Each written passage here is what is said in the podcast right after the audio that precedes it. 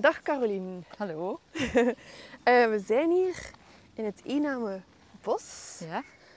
vlak bij jouw eh, woning en jouw praktijkruimte. Mhm. Ehm, en we hebben elkaar ontmoet omdat ik bij jou een tuincoaching ben komen doen om je tuin mooier en gezelliger te maken. Ja. En met wat meer kleur. En ik zie al, toen ik daarnet bij je thuis was om mijn schoenen aan te doen, dat dat echt wel geslaagd is. Dus dat is fijn om te zien. Maar jij was ook wel geïnteresseerd ehm, toen dat je hoorde over de podcast Carrière Switch, om ook je eigen verhaal een keer te delen Ja. over jouw switch. Dus eh, de eerste vraag die ik zou stellen is, ben je blij dat je geswitcht bent?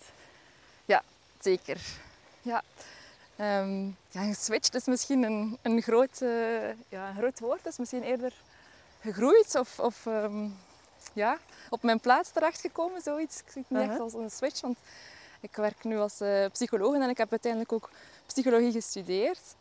Maar ehm, ja, dat, dat ik zo de stap zou zetten om echt als ondernemer, zelfstandig psycholoog aan de slag te gaan, dat had ik eh, ja, tien jaar geleden nooit kunnen denken. En was je dan eerst ergens in een, in een andere hoedanigheid psycholoog? Ja, Of? na, ehm, na mijn studies psychologie ben ik eigenlijk een paar jaar aan de universiteit gebleven. Eh, na mijn thesis kreeg ik eigenlijk de vraag om eh, verder te werken aan een doctoraat Mhm. rond eh, de invloed van kinderen op ouders. was heel interessant, maar zo de academische wereld...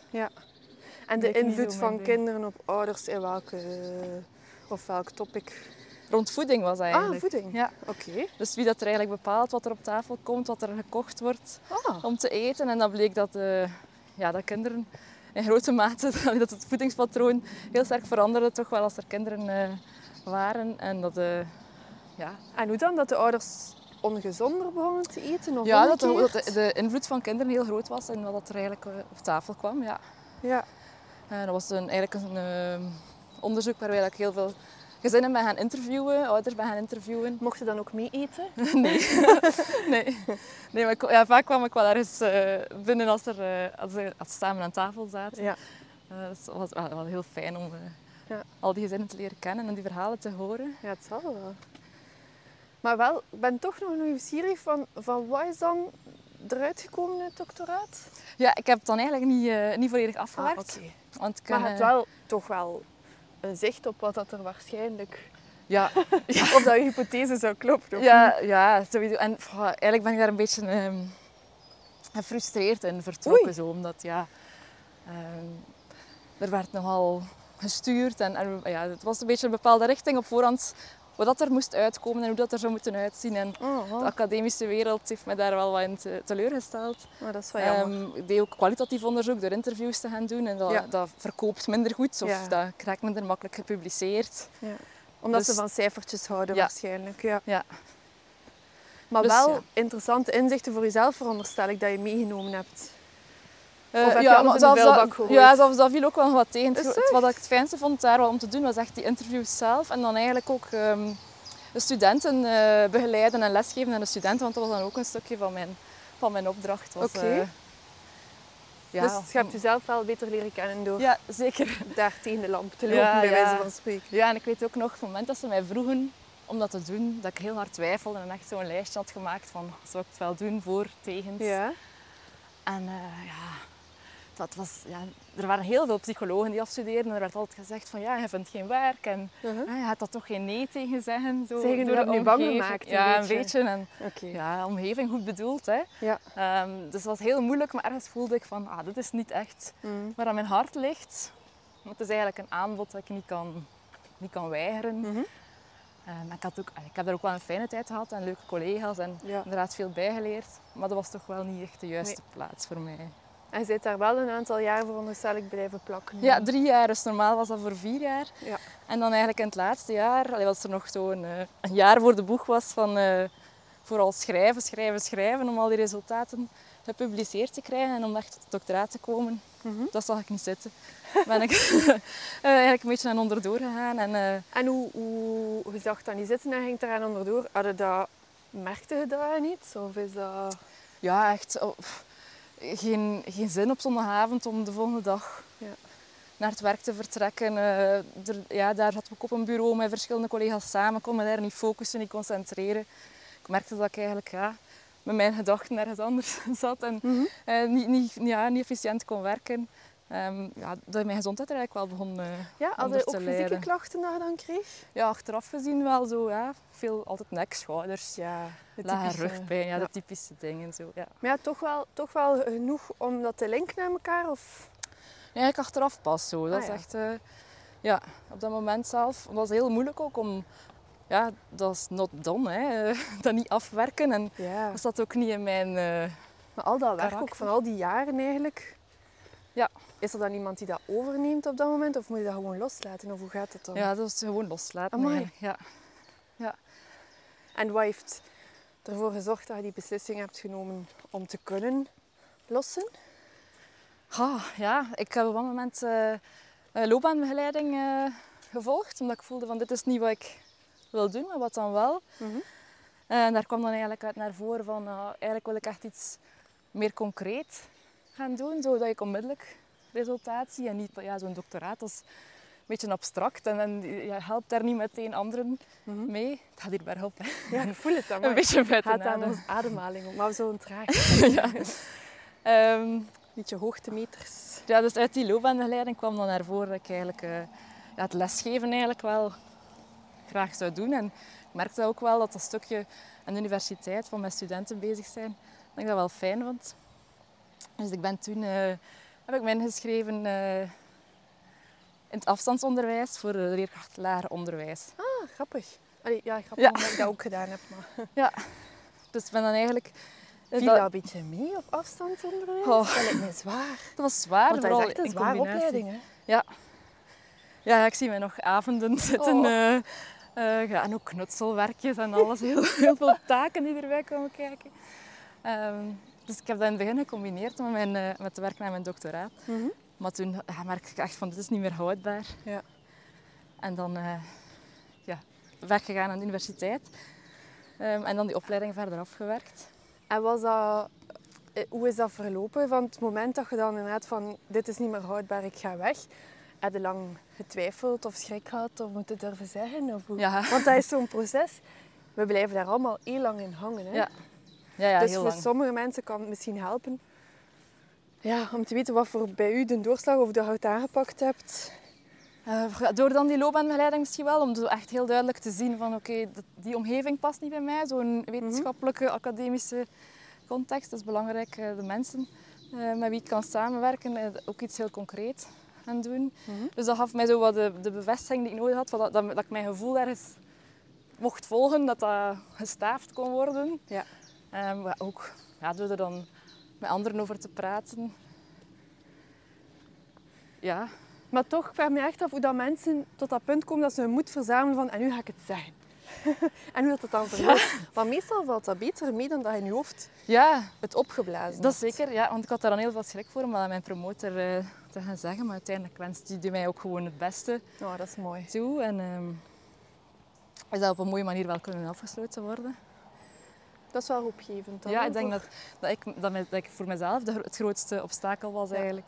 Omdat uh, ja, het voelde wel als falen. Hè. Dat niet afwerken. Ja, we zijn dan niet gewoon om dingen los te laten. Maar op zich, ja, zolang dat er niemand echt pijn mee doet, is dat wel oké, denk ik. Zij kunnen nog altijd kiezen om dat kwalitatief, uh, al die interviews, om daar iets mee te doen. Hè. Ja, tuurlijk. Ja, maar dat was zo tot dan toe in mijn leven paste dat niet zo bij mij. Of ik was iemand die altijd ja. ja doorzetten en Mhm. ja, wel deed wat er van mij werd verwacht. Ja. En dat ging zo wel daar wat tegen. Een braaf meisje. Een heel braaf meisje, ja. ja flink en eh, voorbeeldig. Ja. Ah, wel knap dat je toen hebt gezegd van nee, dit is niks voor mij. Ja. En toen vol een bak op die lerarenopleiding Ja. gestort. Ja, de lerarenopleiding en dan ook eh, ondertussen getrouwd. Eh, zwanger van ons eerste zoon. Mhm. Ehm, en dan tijdens de stages van de lerarenopleiding dan merkte ik wel van oké, ja, dat- ik vind dat wel fijn in de klas, maar zo, ja, de schoolse context en de leraarskamer was precies toch ook niet echt eh, waar ik zo eh, blij van werd. Ehm, Ja, dus de- ik ben dan eigenlijk nooit effectief als leerkracht lerarenonderwijs aan de slag gegaan. Maar er kwam toen wel een andere vacature op mijn pad. Uh-huh. Ehm, dat was aan de hogeschool dan, een nieuwe opleiding die startte. Pedagogie van het jonge kind. Ah ja, ik heb ervan gehoord. Ja. Ehm, ja, en dat, dat leek echt wel iets voor mij dan, omdat ik daar dan ja, mee dat kon uitdenken, die nieuwe opleiding, de inhouden. Dat ging rond gezinnen, eh, kinderen ondersteunen. Ook Dat voeding waarschijnlijk. Ja, dat in mindere mate, ja. Toch? Eh, ja. Ehm, en ik had dan ook daarvoor een heel kort eh, een interim gedaan in een, op een dienst voor onthaalouders. Dus ik had zo wel een beetje ja, voeling met de kinderopvang. Ja. En, eh, dus dat kwam eigenlijk allemaal samen in die opleiding Pedagogie van het jonge kind. Dat is wel mooi, ja, hoe al die puzzelstukjes. Want ik denk, uw opleiding als psycholoog zal daar ook een heel grote rol gespeeld hebben, toch? Ja, zeker. Ja, daar kon eigenlijk alles, kwam eigenlijk alles in samen. En, Dat is eh, mooi. dat was ook echt een, eh, ja, dan heel, een, heel fijne, een heel fijne periode. Ja. Tof, ja. Dan hebben we wel ook nog iets gemeen. Want ik heb ook mijn lerarenopleiding afgewerkt. Dus ik ben juf, maar ik ben ook nooit in het onderwijs gestapt. Ja. Net zo inderdaad door de leraarskamers dat ik dacht van... Oeh, hier ben ik precies niet helemaal op mijn plek. Ja, wel jammer eigenlijk. Hè? Want allee, ik, had, Ja. was wel gemotiveerd en zo met die kinderwerking vond ik wel heel fijn. Maar het Maar- komt veel meer bij kijken Ja. dan dat. Hè. Ja, En de verwachtingen zijn ook heel hoog natuurlijk. Wat dat ze allemaal van, van leerkrachten verwachten. ah, naar papierboel, naar ouders. mhm. Allee, gesprek met ouders en elk kind. allee, dat differentiëren en zo is ook helemaal niet makkelijk. Omdat er zoveel, dikwijls ook labeltjes worden geplakt op kinderen. Die allee, de job er echt niet makkelijker op gemaakt hebben, denk ik. Maar wel knap dat inderdaad dat je dan die kans kreeg bij de hogeschool om daaraan mee te werken. Ja. ja, en dat is een heel waardevolle opleiding. En eh, ja, daar kon ik echt doen wat ik, wat ik eh, graag deed. Zo nieuwe vakken uitdenken. Daar mocht ik zelf veel voor lezen en opzoeken. En bijkomende opleidingen volgen.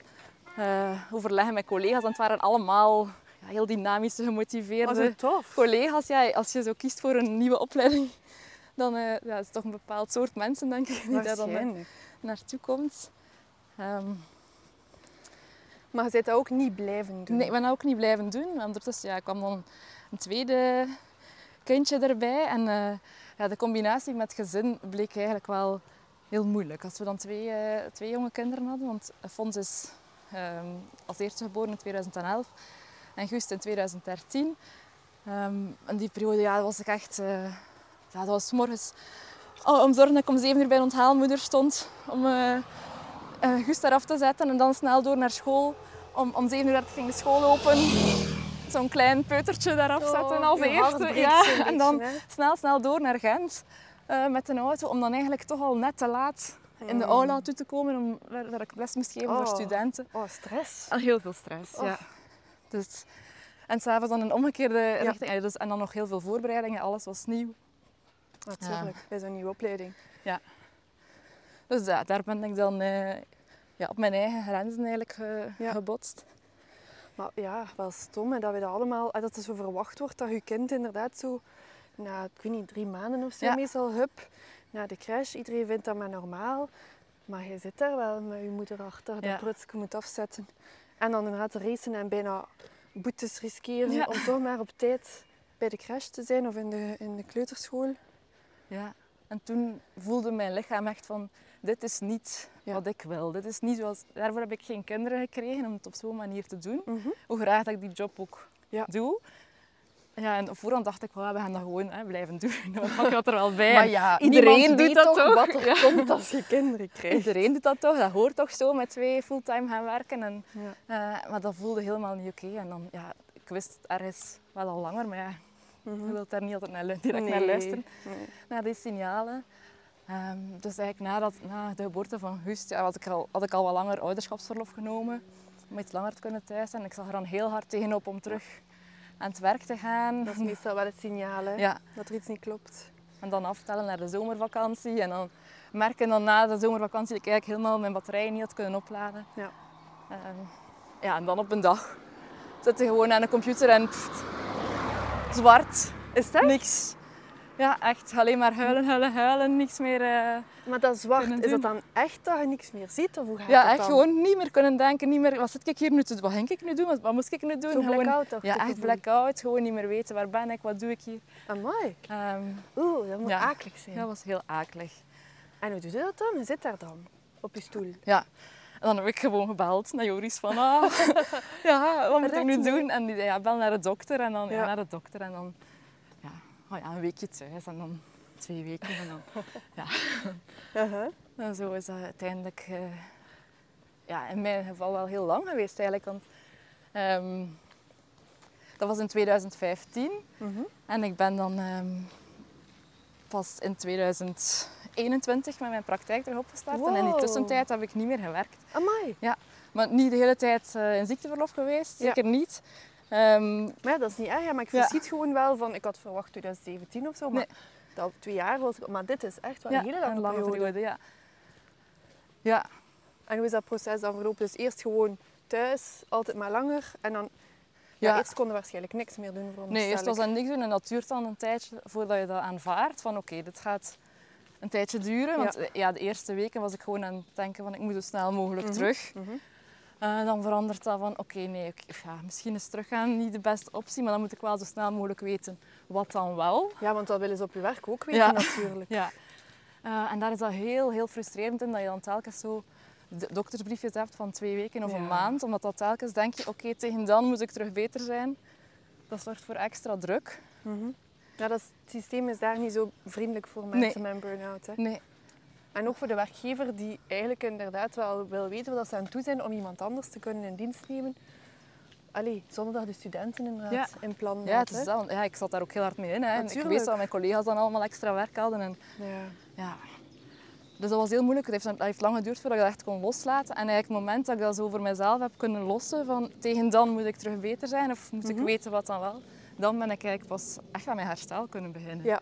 Het moment dat, ik die, dat er zo geen datum meer op stond. ja, ik kan me wel voorstellen. Ehm, en dat hebben we eigenlijk voor onszelf een beetje gedaan dan door, te, door een reis te plannen. Oh. Door echt zo, ja, het jaar erop dan in september of november, ja, het najaar een, een reis van een maand naar Thailand ja? eh, in te plannen.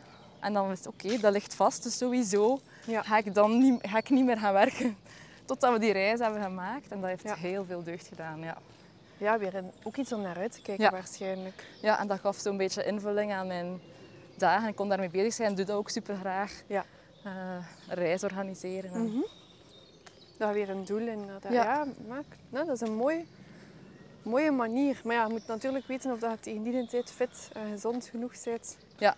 Om, want ey, het is toch ook wel pittig, hè? Ja. Zo Thailand, Dat waar. Azië bezoeken. Klimaat en zo en compleet andere cultuur. En, Ja. Maar zo dat echt eens weg zijn uit Ja. de dagelijkse redrace hier en ook weg van iedereen, ook al hoe goed bedoeld dat iedereen Ja. ook al is, Mhm. van vrienden en familie. Het was toch heel moeilijk om echt zo dat duidelijk te maken wat dat er eigenlijk aan de hand was. En, eh, Omdat mensen het niet begrepen. ja, of- ja, het is moeilijk te... Ja, je ziet dat ook niet zo. Nee. Hè. Soms ja, ga je wel een keer naar een familiebijeenkomst of kom je een keer ergens en dan denk je, ja, het ziet er goed uit of het gaat wel, maar ze zien dan niet dat je dan Nee. daar een aantal dagen moet van recupereren. Ja, natuurlijk. ja, ja. Ah, knap. En dan, de kindjes zijn thuis gebleven, maar jullie hebben wel met twee dan... Nee, nee, dat was Nee, met de kindjes. Met de kindjes? Ja, ja, ja. Oh dus met twee kleintjes van eh, vijf en drie toen. Ja, dat is wel heel wat organisatie. Ja. waarschijnlijk. Of go with the flow. Ik weet niet of dat de manier was. een beetje van beide, ja. Wauw, Wat eh, straf. ja. Maar dat kost ook weer extra energie natuurlijk, dat die mee zijn. Ja, maar we hebben dat wel heel... Ja, we hebben dat op het gemak gedaan en onze tijd genomen en eh, dat niet te vol gepland. Ja. Ehm, ja. Ah, mooi. En die reis heeft dan van alles gebracht, Ja. veronderstel ik. Ja, en daar, werd al zo, ja, daar is al zo'n beetje beginnen rijpen van... Oh ja, zoiets voor mezelf doen en zelf iets uit de grond stampen. Ook zo dan, ja, nadat ik gemerkt had van... Oké, hoe dat wij met onze kinderen willen omgaan... Dat is precies toch ook wel anders dan dat, ik, dat wij bijvoorbeeld hebben, hadden geleerd in de opleiding psychologie. Of hoe dat we ook zelfs in de pedagogie van het jonge kind eh, aan de studenten aan het aanleren waren. Met straffen en belonen en zo. Ah, ja. Ik voelde van... Zeker met onze oudsten op dat moment, dat werkte niet. Dat was, allee, we konden die niet... Ik herinner mij nog een moment dat hij twee jaar was en dat we die op straf zetten in de gang. En dat we echt moesten de deur tegenhouden, want die ja, die wou ontsnappen. En, en ik, ik voelde van, dit klopt toch niet? Nee. Dat is zo'n machts, eh, ja, machtsvertoon. En, eh, en ja, dan is er bij mij toch iets gebarsten. En, en door dan via de, de opleiding pedagogie van jong kind ook wel met andere zaken in aanraking te komen en bepaalde vormingen te volgen, eh, zijn er zo wat de zaadjes geplant van ja, eerder opvoeden zonder straffen en belonen op een verbindende manier, de verbindende communicatie. Ja. En dan ben ik me daar veel meer in gaan verdiepen. Ehm, en dan dacht ik, ah, waarom heeft niemand daar ooit iets over gezegd? dat ook Ja, op die manier Je kan. weet gewoon niet dat het bestaat. Hè? Ja, Maar omdat je het ook gewoon geprobeerd maar doe maar. Niemand heeft een handleiding Nee. gekregen bij die kinderen. Hè? en je doet wat je kent Ja, van eigen opvoeding en zoals dat je Rust, het reinheid en Ja. regelmaat. Ja. Ja. Dus dat kwam zo dan wel ja, tijdens die reis, om dan ook, als we dan wat meer tijd hadden en dan ook merkten van oké, als wij zelf wat rust hebben, dan lukt het ons ook om op een andere manier met hen om te gaan. Mhm. Ehm, dus dat werd dan echt duidelijk van, dat is eigenlijk wat ik het allerbelangrijkste vind, is om, om de harmonie in ons gezin eh, te kunnen bewaren, om evenwicht te vinden daarin. Dus wat ik ook ga doen later van job, dat moet voorop staan. Oh, mooi. Ja. Ja, dat is wel tof om dat zo op die manier zo echt aan hun lijve te ondervinden van wij Ja. worden andere mensen en daardoor krijgen we ook andere kinderen eigenlijk. Ja, echt waar. Dat, eh, dat werd toen heel duidelijk. Oh, knap. En dan, ja, je bent echt ook weer in, echt wel in het topic gedoken Ja. en jezelf eigenlijk gaan verrijken, veronderstel ik. Ben ik nog wat bijkomende opleidingen gaan volgen. Ehm, dan ook specifiek rond eh, begeleiden van zwangere mama's en pasbevallen mama's. Omdat ik ook vond van, ja, ja, tijdens de zwangerschap, daar wordt wel gesproken over, je moet een geboortelijst hebben en je moet, eh, Ja. ja, wat je allemaal nodig hebt, praktisch zo. Maar, of zo- dat je nu de babykoeken wel of niet zo op je lijst zet. ja. Ah. maar ehm, wat dat dan met jezelf doet om ouder te worden, of hoe dat je je kinderen Mhm. wil opvoeden, wat je hen wil bijbrengen en de manier waarop, Mhm. dat was eigenlijk bij jezelf ook. Daar waren wij ook niet mee bezig geweest tijdens eh, de voorbereiding. Maar je weet het gewoon niet, hè? Dat er, Nee. dat er hulp is of dat het anders kan. En dat, ja, inderdaad, moeder of vader worden, dat is zo'n impact dat dat heeft op Ja. je leven. En je zoekt maar naar hulp, maar niet altijd op hulp die bij je past, hè, wat dat je tegenkomt. Maar dat is wel mooi dat je daar een antwoord kan op bieden. Ik wou dat ik dat geweten had voordat ik eh, mama werd. Ja. Ik ook. En van daaruit is dat dan bij mij gekomen. En Ik ben de opleiding eh, postpartum consulent gaan volgen. Nu bestaat er nog zo'n opleiding perinataal counselor. Dat is een beetje Ja. eh, overlappend. Ehm, ja, dus vanuit de insteek van oké, ik wil zwangere mama's en pasbevallen mama's gaan ondersteunen voor wie dat allemaal niet zo rooskleurig is en die eh, Ja. ja, dat tegen hun eigen grenzen aanlopen. En, En wat is dat? Perinatale? Dat doet mij denken aan het perineum, maar ja, perinataal, dat is eigenlijk alles rondom de zwangerschap en rondom Ah, de ja. bevalling. ervoor, Ervoor en daarna, ja, Oké. dat is perinataal. Eh, ja, perinatale ondersteuning. Ja. Oké, oei, bijna overreden worden. Oh, brandnetels. Ik ga even stilstaan. Hè. Ja. Oké, we leven nog. Ja, chic. En dan daarmee, met die ingang, heb je een Ja, dan ben stap ik gezet? Dan ben ik, ja, want ja, door die opleiding aan te volgen, werd er bij mij ook wel terug ehm, een kinderwens aangewakkerd. Dus we hadden Oh. al twee eh, jongens. Ehm, een extra cadeautje ja, bij de wel, dus opleiding. dat had ik daarnet nog niet gezegd. Want in de fase na de aanloop eh, van mijn eh, burn-out en zo, was ik ook eh, ongepland zwanger Oké. geweest nog van een, een derde kindje dan. Mhm. Ehm, maar dat is fout gelopen. Dat is een miskraam, een heel vroeg miskraam Ja. geweest. Dus dat was heel, een heel dubbel gevoel. Want Ja. dat was eerst zo de schrik van, oh, wat overkomt ons nu? En het is nog veel te vroeg, want ik voelde mij niet goed in mijn vel. Dus Ja. ik zag niet zitten om er nog een derde kindje bij te nemen. In de situatie dat we toen zaten met zo drukke Mhm. jobs. En dan ging dat fout. En dan voelde ik mij super schuldig natuurlijk. Want ik dacht, ja, oh. dat is door al de stress. Ehm, dus dat was dan een beetje, ja, zo wat afgesloten. En oké, ja, we houden het dan bij twee. Maar dan, ja, een aantal jaar later bleek dat toch sterker dan ik dacht. dan eh, die kinderwens. En dan dacht ik, oké, ja, we gaan ervoor, maar dan wel op onze manier. Ah, mooi. En dan was... eh, Je kon nog een keer ja. uittesten. ja, een derde keer een goede keer. Ja. Dan, eh, van, dat is- ja, we willen wel een derde, maar dan op voorwaarde dat ik gewoon de tijd kan nemen, dat we niet... En ja, ik had dan gezegd, oké, dan ga ik thuis blijven totdat hij of zij dan naar school gaat. Ehm, vandaar dat dat dan zo'n lange periode is ja. geworden. Dus ja. Oh, maar wel mooi dat je effectief in de praktijk hebt kunnen uittesten van hoe anders dat het is om een kind te krijgen. Allee, Ja. met een heel andere mindset veronderstel ik ook. Helemaal anders, ja. ja, wat dan nu soms wel voor eh, ja, een beetje een ambetant gevoel zorgt naar de oudste twee. Zo, van, maar ik. ik. heb ze ook nodig gehad om Tuurlijk. tot dat punt te komen. Hè. Dus, eh, ja.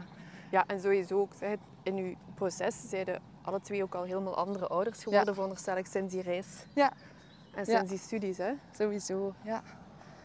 Ja, dus, maar ik heb wel heel veel tijd gehad om dan zo het idee te laten rijpen van wat wil ik dan precies gaan doen. En dan, eh, ja, het moment dat Gaston, de jongste, dan Ja. naar school ging, ben ik dan ook effectief gestart met mijn eigen praktijk. Zuurstof voor ouders, waarin ik dan eh, ja, de combinatie doe van begeleiden van eh, ja, die pas bevallen mama's en ook alles rond ouderschap. Mensen met vragen rond ouderschap. Ouders die... eh, Oh. Oké. Ouders die tegen hun grenzen aanlopen. Ja. Ehm, op het randje van een burn-out. Want er bestaat ook zoiets als een parentale burn-out. Ja, hè. daar had ik ook regelmatig iets over Ja. gelezen. Dat is wel heftig, Ja. toch? Maar het schijnt dat België één van de koplopers is daarin. dat is zeker. Ja. Dat is echt eh, ik had een net een boek gelezen. ehm, hoe laat het? Allee, van, eh, wan- wanneer is het zeven uur of zoiets? Over een mama die een aantal jaar thuis blijft. Ah, dat en met ik dat thuisblijf, ouderschap. Ja. En het, eh, aan het onderzoeken is wat ze er zelf van vindt. En dat is mooi en dat schrijft ze ook, want het is een Nederlandse schrijfster, over hoe dat België daar zo slecht in scoort. Ja. Omdat wij echt wel heel vroeg eh, onze kinderen naar de crash Mhm. brengen. Omdat kinderopvang in ons land in verhouding met andere landen enorm wordt terugbetaald en dus wordt gestimuleerd door de overheid. Maar dat wij daardoor ook wel heel veel crashen en dat de burn-out cijfers ook Ja. wel gigantisch zijn in België. Ja, de verwachtingen die er aan eh, jonge ouders worden gesteld zijn gigantisch. Zijn Ja. gigantisch hoog en gewoon niet te realiseren eigenlijk. Nee, straf hè. Want En hoe de streng dat we zijn voor onszelf Ja. ook. Omdat we denken dat het zo hoort en dat dat maar normaal is dat je zo'n robot bent die een kind zo... Woep, hier alsjeblieft, daar, tot Ja. vanavond. Mama gaat werken. ja, het is lastig, want dat is, niet, dat is zo niet individueel op te lossen. Allee, ik, Nee. ik ondersteun ouders daarin, maar het is een groter probleem. Ja, dan, het is ook dan gewoon maatschappelijk. Hè, dat we met z'n allen moeten gaan kijken van... eh, Natuurlijk, al, iedereen die je hebt kunnen helpen, dat is alweer een steentje aan de weg dat je gelegd hebt om het wat bespreekbaarder te maken, veronderstel ik. En dat dat zich ook als een olievlek een beetje uitspreidt. Hè? Ja, ja en ook, ehm, ik vind het ook belangrijk om ouders met elkaar Ja. in contact te brengen. Ik is organiseer ook mooi, zo ja. eh, activiteiten zoals eh, de Walk and Talk voor ouders. dat Ah, is eigenlijk leuk. dat we, zoals we nu aan het wandelen zijn, maar dat ik dan met een groepje ouders een avondwandeling maak en dan eh, rond een bepaald onderwerp, zoals bijvoorbeeld eh, rond emoties of rond hechting of Ja. rond grenzen stellen. En dan, dan geef ik enkele ja, vragen waar we met elkaar kunnen over praten, al babbelend. En dan stoppen we onderweg een keer om dan met elkaar uit te wisselen. En ik zie altijd hoeveel deugd dat dat toe om te horen van elkaar. Van, ah ja, is dat bij jou ook zo? En, Ja, dat ze niet alleen zijn. Ja. Ja, dat is wel chic. Maar het is hier echt wel prachtig, maar nu zitten we toch wel op een niet zo veilig... ja, we moeten eventjes eh, deze weg af en dan daar verder Dan kunnen we terug, natuurlijk. kunnen Want stel dat je. Ja. wandelingen met de ouders dan meer in het natuurgebied... Maar als, op een avond passeert hier bijna geen enkele auto. ja, ja. Dus- Maar het is hier wel oud. Het is hier gelijk het, het Vlaamse oerwoud dat we hierin lopen. Ja, dat is echt een heel oud bos. Zot, hè? bos van ja. mooi, ja. Het heeft ook al veel prijzen gewonnen. eh. Ik weet dat we hier met de tuinarchitectenopleiding ook geweest zijn. Omdat er inderdaad zo'n variatie aan soorten staat. grote biodiversiteit. Ja. Oh, maar wel fijn, denk ik inderdaad, als je hem zo als radeloze ouder op je eilandje met je baby Ja. of met je kindje dat niet wil doen wat dat jij denkt dat moet doen, dat je gewoon een keer ook kunt horen van ah, iedereen heeft het moeilijk en lastig. En, en sommigen zelfs nog lastiger dan Ja, wij. ja, ja, dat is zo. Ja. Ja, want soms durven mensen niet klagen. Hè? Want ja, ze denken, ah, die heeft het nog lastiger of die staat er alleen voor. Dus Mhm. voor haar moet dat nog lastiger zijn. Maar iedereen heeft wel recht op zijn eh, Tuurlijk.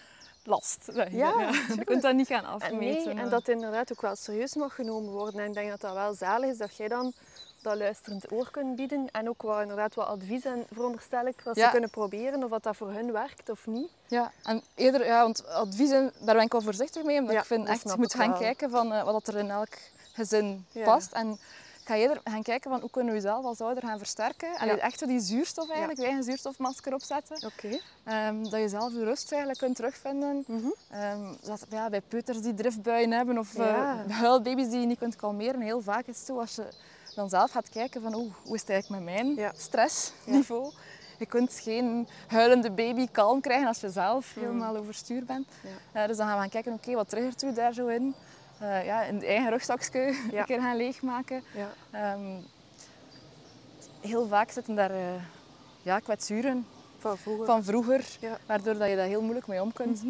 Eh, en als we daar dan mee aan de slag gaan, dan, dan lijkt het ook wel weer gemakkelijker te gaan om dan... eh, Dus dat eigenlijk ook een beetje een spiegel geeft aan die mensen van oeh, pas op, zie je zelf een keer bezig.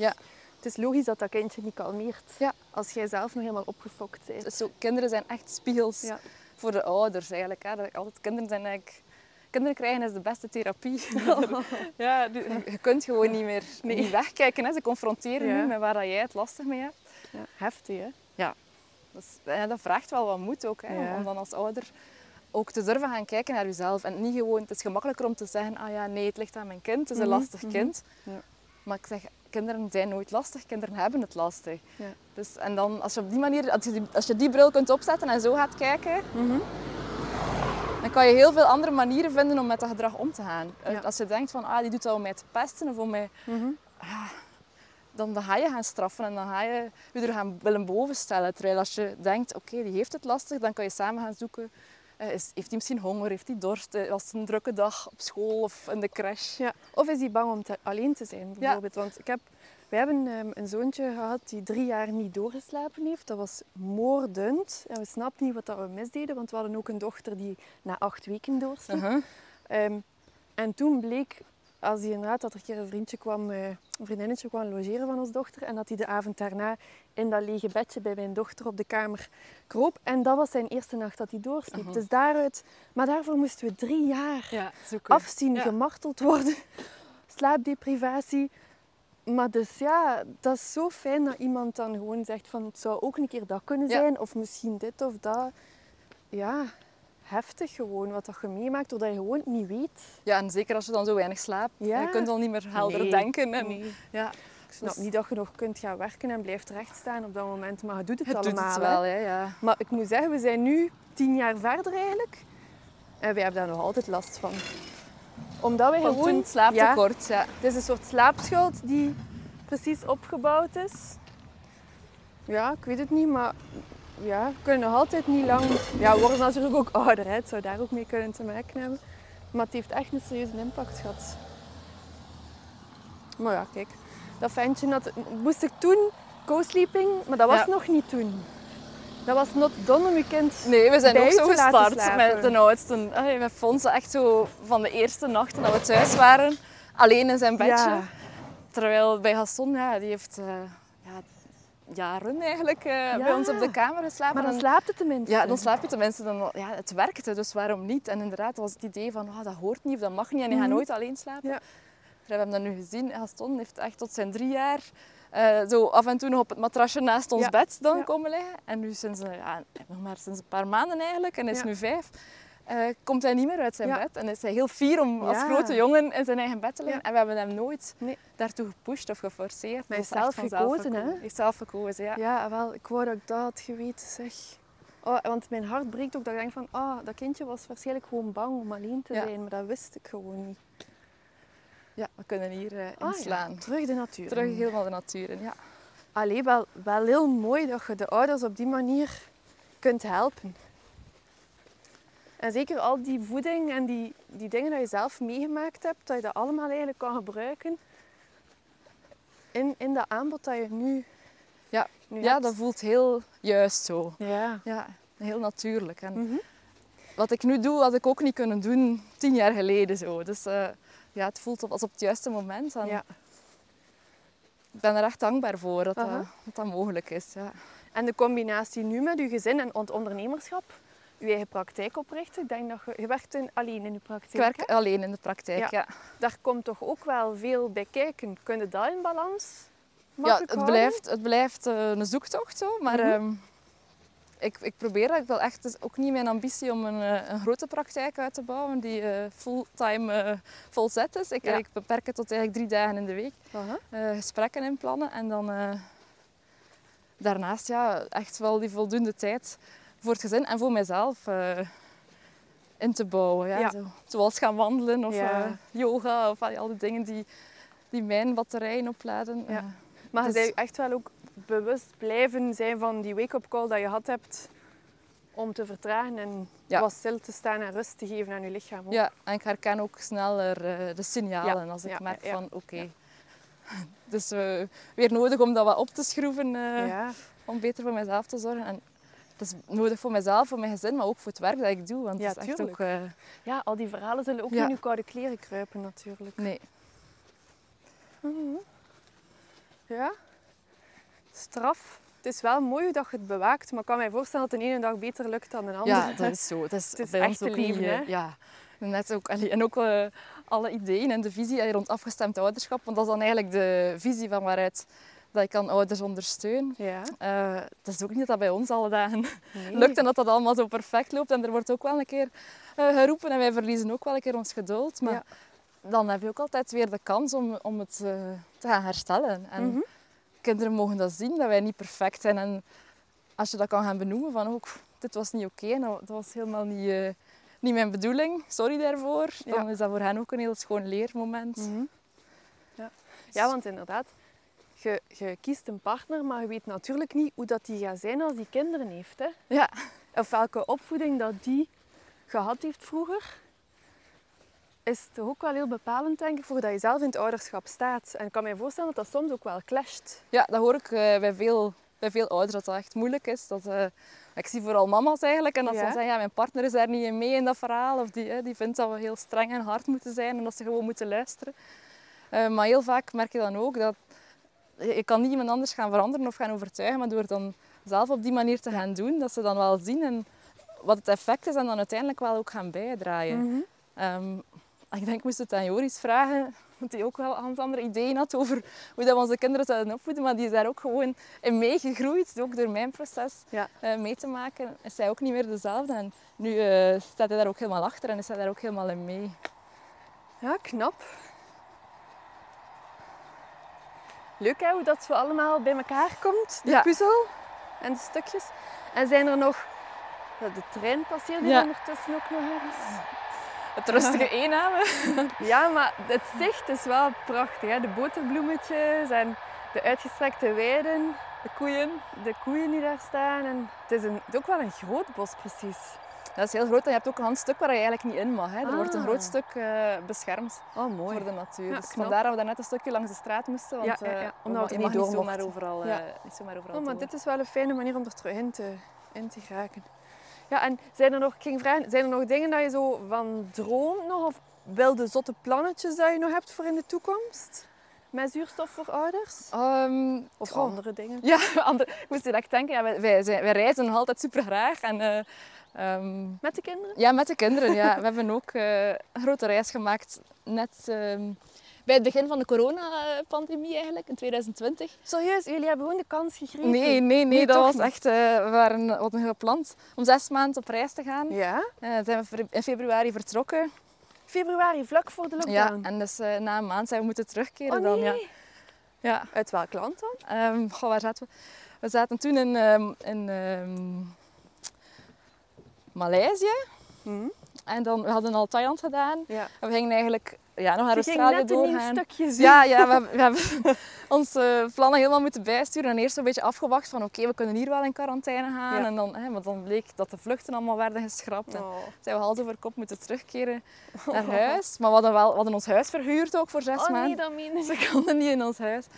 Eh, dus we hebben dan zo wel die periode van zes maanden, want onze bedoeling was van echt zes maanden tijd hebben voor elkaar als gezin. Dat was net voor ik dan mijn praktijk ging opstarten. Ja. Ehm, dat hebben we dan wel kunnen doen, want alles viel weg en alle afspraken vielen weg. En we hebben dan ja, een klein huisje gehuurd, waar dat we dan eh, die periode zijn doorgekomen. En zodra het mocht, zijn we dan toch nog binnen Europa Ah ja. eh, verder met de tent eh, en met de fiets op reis vertrokken. Dus Wauw, ja, knap. Met dan twee, met drie kinderen drie dan. Ja, met drie met de fiets. Met de fiets een stuk, ja. En dan met de auto een roadtrip. Maar zeg, dapper. Eigenlijk zouden daar ook al een zaak kunnen over beginnen. Hè? Of een blog of een podcast. Ja. Van eh, hoe dat je inderdaad met zo'n kindjes op reis gaat op een avontuurlijke manier nog. Ja, maar mijn man heeft er al een boek over geschreven. Serieus? Ja, Oh, noem het? plan F. Plan F. Ja, Oh. overleven en reizen met kinderen, ja. Oh, zalig. Omdat plan F, ja, het was... Ja, van, plan A naar plan B naar plan C. Terwijl dat we daar in dat kleine huisje in de lockdown zaten, werden de plannen voortdurend uh, Ja. bijgestuurd. En dan zijn we met de fiets vertrokken. En het was plan F van plan fiets, van plan familie, eh, plan fun. Het was een beetje alles. Ah, dat is mooi. ja. Dus ja, daar zijn inderdaad wel ideeën rond om daar zeker ook nog wel iets mee te doen. Hij heeft er ook al een paar lezingen eh Oh ja, rond maar goed bezig, hè? Ja. De Dus ja. Hier gaan we paardjes ja, hier kunnen we paarden tegenkomen. Ah, zo tof. Plan F. Dat moet ik lezen. Ja, dus zo reizen, dat blijft eh, Ja. een, grote droom. En dat is ook wat dat wij zo nu in, in, in ons job eigenlijk, ja, dat ons, groot, ons grotere doel of ons hogere doel is van te werken en toch nog voldoende tijd te houden om zulke dingen te kunnen doen. Ja. Dat we eigenlijk zelf kunnen beslissen Ja. wanneer we vakantie Ja. nemen en hoe lang. En, En dat eigenlijk ook uw onderneming het middel is om te kunnen reizen en niet het doel op zich. Ja. Ja, Want want we dachten ja. lang van, ah, willen we verhuizen of zo naar het buitenland. Maar Uh-huh. we, ja, nu is eerder het gevoel van, we hebben graag onze vaste plek. Ja. En hier ons leven en ook de kinderen hebben hier een netwerk en hun vrienden en, wij ook. Mhm. Ehm, maar dan wel regelmatig op reis gaan, dat is iets wat we zeker willen blijven kunnen doen. Ja, Oh, fijn. Chapeau. ja, Knap gedaan. Mooi. ja en los is- van plan F, nog zelf iets dat je denkt? Of is het goed zo nu gewoon... Wel, dat zuurstof voor ouders, is, die is eh, komt nog volop aan het groeien. groeien, Ja, ja. dat is echt aan het groeien. En nu ehm, ja, een kleine drie jaar eh, bezig. En eh, ja, ik merk dat de mensen meer en meer een weg beginnen te vinden, Ah, ook tof. via vroedvrouwen en gynaecologen. En, Ja. ehm, misschien dat er binnenkort ook nog eh, een samenwerking met een groepspraktijk Ja. zit aan te komen. Eh, ik heb ook samenwerking met eh, een vroedvrouw en een zwangerschapsyoga-docent. Dat we een eh, traject aanbieden voor zwangere koppels. Mhm. als voorbereiding op het ouderschap dan. Ja, Ja, zo, zo van die dingen die op mijn pad komen. ja zo ik heel fijn. geluksdingetjes die op je pad komen, daar dan wel of niet op ingaat, Ja. afhankelijk van of dat past. Ja. Maar ik denk wel dat het iets is dat inderdaad zeker wijd verspreid mag worden onder aanstaande of jonge ouders. Hè? Net Ja. zoals dat ik toen de triple P-methode, zeg nu maar, Ja, gevolgd heb over straffen en belonen.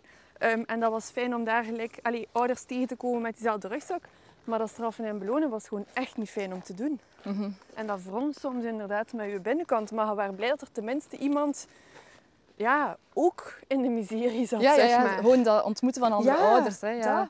Los van die methode. Dus dat op zich is al zo waardevol. Maar als ik dan nog een keer tools krijg die je gewoon inderdaad meer mens maken ja, want dat dan is een echt, ja, het is echt ook geen methode. Afgestemd ouderschap is echt wel een visie ook, allee, die, je in Hans je leven eigenlijk kunt, Mhm. kunt toepassen. En dat ook voor volwassenen geldt. Oh, bedoel, als een, Dus voor mijn tieners kan ik dat ook nog zeker, gebruiken. zeker en vast. En als een, ah, Misschien ja. moeten we zo'n oudergroepje maken voor tieners. Ja, dat hebben, ja, tieners. hebben nogal mensen. eh, Want ja, de Ja. kinderen groeien mee. En, eh, dat komt er zeker, eh, dat komt er zeker Ah, misschien kan Joris daar iets voor reizen doen ook, want wij, gaan, ja, wij staan op het punt van nemen we, gaan we nog mee of niet? Of, Oké, ja. Net omdat we zo lang niet geslapen hebben, ja.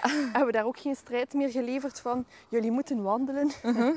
Ehm, maar het is wel fijn als je inderdaad op reis, want we waren keer, eh, vroeger dan in Nieuw-Zeeland en dan zag ik een eh, ouders zo op een kanotocht met hun kinderen en dat was zo mooi en verbindend dat Ja. die dat samen deden dat ik dacht van, ah, dat wil ik later ook. Maar nu in de praktijk, nu dat ik eigen kinderen heb, zie ik dat precies niet zo goed zitten en heb ik daar schrik van. Omdat Dus- zij er geen zin in hebben? Of? Ja, omdat, Ik, omdat ik gewoon geen, geen vakantie is dan inderdaad ontspanning en geen zin in gedoe of zij die niet willen wandelen Mhm. of zij die geen zin hebben of liever op hun scherm zitten, allee, snap je? Dus daar zit dan te goochelen met van, ga ik daar wel genoeg van genieten als ik zo'n reis opnieuw doe met mijn kinderen mee? Daar zit er een schrik op. En wa- wat, wat zeggen ze zelf? Wat willen zij graag dan van eh reis? Ehm, de voorwaarde is dat we niet verder dan 10 kilometer stappen. Ja. Dat er een zwembad ook nog een keer Mhm. is af en toe. En dat er ook wel weer wat schermtijd is. Dus, Ja. En ook dat we samen leuke dingen doen. En een pretpark natuurlijk. Allee, zo de, Ja. de, en ijsjes. Ja, de, de klassieke. Niet moeilijk zijn ze niet. Ja. Maar ik zie het vooral zelf. Heb ik schrik gekregen van. Omdat, om voor de stress die erbij komt als er moet onderhandeld of beslist worden van wat gaan we doen. Om Mhm. te entertainen, zeg maar. Ja. En te zorgen dat het voor hen ook fun blijft. Terwijl dat misschien niet altijd hetzelfde is als wat ik en mijn man Ja, dat is, dat is wel zo. Dat reizen is ook gewoon, dat is ook niet altijd fun. Allee, bedoel, Nee. We zijn altijd op reis, dat is alles nog een keer uitvergroot. Zo. Mhm. Al de leuke dingen zijn nog een keer leuker en alle lastige dingen zijn nog een Ja, keer lastiger. Dus dat is echt wel onze, onze ervaring. Ja, we zijn nu ook dit jaar nog een maand naar Oeganda geweest. Aha. Met z'n allen. Ja, dat is niet de hele tijd fun, want Nee, je hebt daar niet wel. overal ijsjes en niet overal... Want er is daar niet overal elektriciteit. Nee, Dus tuurlijk dat, is, dat is gewoon... Maar dat is wel een, een levenservaring voor hen en een, een levensles. Dus wij vinden Ja. het wel belangrijk om ze daarin mee te nemen. Maar we geven ze wel voldoende inspraak. Ja. Ehm, en Op voorhand dan of daar ter plekke? Ja, alle beide. twee? Ja, alle Ja. twee. Ja. Ehm, Ja, dat zou zeker een interessant iets zijn ook om nog wat... Maar ja, er is genoeg werk, hè. maar ja, ja.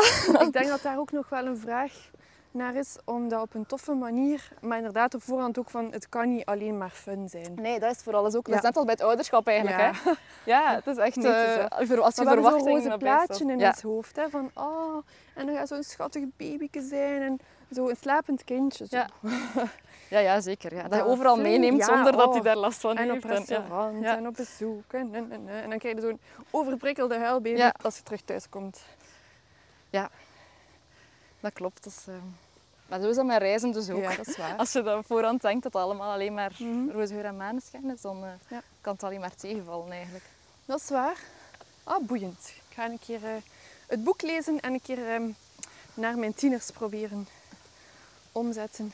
Maar ik denk dat wij al een plan zetten of zo. ja, maar het is ook een beetje zoek. Maar Intussen. Zo, fietsen is, blijkt wel echt iets, want wandelen doen ze ook niet zo graag, maar fietsen dat is dan iets wat, dat ze, wat dat ze leuker vinden om te doen. Ze kunnen dan ook zo een keer hè, de berg omhoog sprinten. En, eh, Ja. en dat is ook, dan is elke dag, we, we fietsen dan van plek naar plek en dan is het ook niet vragen van wat gaan we doen vandaag, dan is het gewoon duidelijk, we gaan Ja. fietsen en we zien wat we onderweg tegenkomen. En, Oh, mooi. ja, we hebben al een paar keer in, in eh, Zweden en Denemarken eh, dat gedaan en dan kom je heel veel meertjes tegen, dus dan kan je ook zwemmen. Ja, het is dan geen ja, zwembad, ja, maar het ja, is dan ja, wel... ja, dus Ja. dat blijkt nu op dit moment Bij voor ons gezin ja, passen. een goede Maar het is wel tof hè, dat je inderdaad blijft zoeken en, en dat het voor hen ook werkt en dat het voor jullie werkt. Dus ik denk dat dat zeker iets moois is om door te geven aan een wijder publiek.